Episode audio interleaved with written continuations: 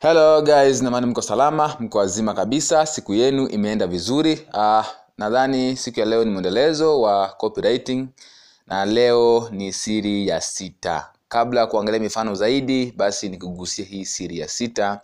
Ili tukiendelea kuangalia mifano basi tutajua nini maana yake na inafanya vipi kazi. Kwa hiyo siku ya leo nataka ni ni share na wewe siri ya sita katika kuuza katika maandishi ambayo tunasema copywriting uh, siri hii tunasema kwamba inaitwa the power of questions yaani nguvu ya maswali katika tangazo lako. Nguvu ya maswali katika tangazo lako ni muhimu sana. Hakikisha katika tangazo lako eidha ni kwenye kichwa cha habari chini yake ama katikati ya tangazo lako kuna swali lililoulizwa kitaalamu juu ya kile unachokiuza litakalomfanya mteja ata, awe na, awe, atamani awe, awe na nia ya kujua majibu okay? Iko hivi. Kwa nini maswali ni mazuri au kwa nini siri hii ni nzuri katika ku, kumfanya mteja au kufanya kama chambo ya kumvuta mteja wako katika kununua bidhaa mahuduma yako au kumvuta mteja wako ili achukue hatua ya kuweza kukutafuta ama kununua bidhaa ama huduma yako? Iko hivi. Nasema kwamba uh, maswali yanamfanya mteja awe na awe na tamaa ya kupata majibu kwa hiyo hakikisha kwamba ya kupata majibu ataendelea kusoma maandishi yako au tangazo lako zaidi ili atafute ukweli ulioulizwa katika swali.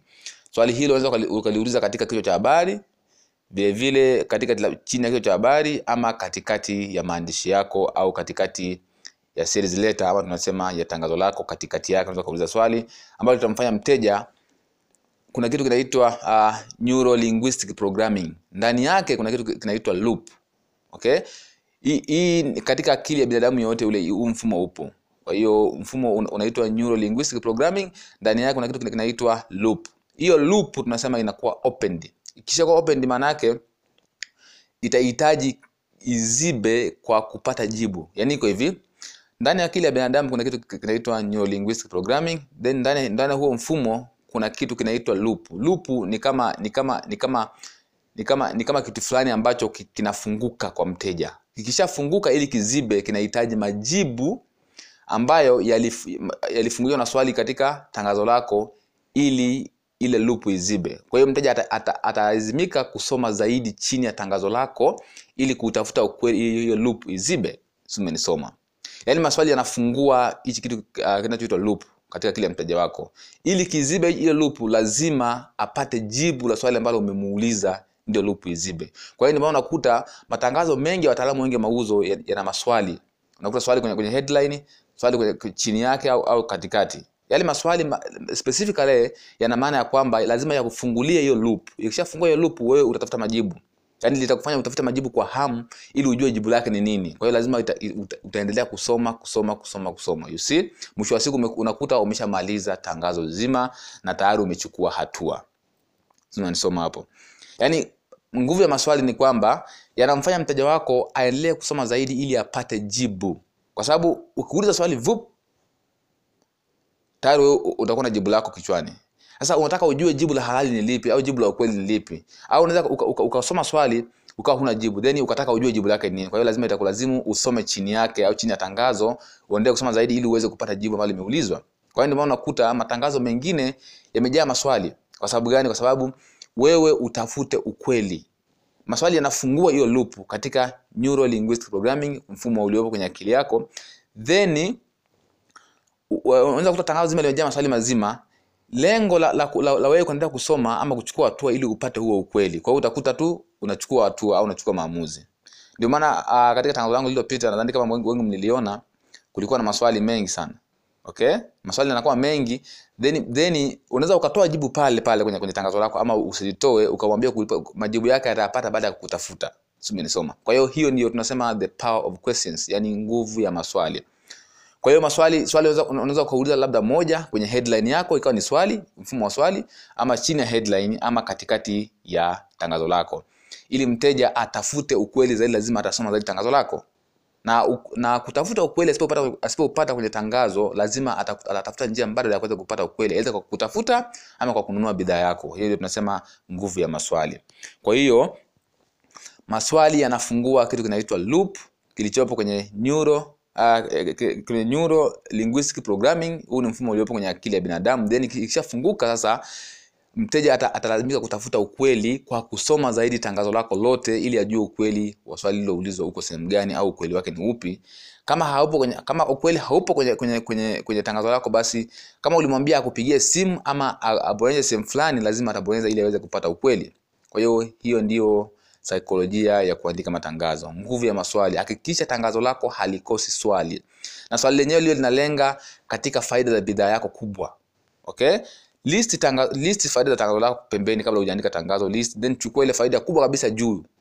Then hiyo faida ndio iulizie swali ambalo litamfanya mteja avutike then atake kujua ukweli uko wapi.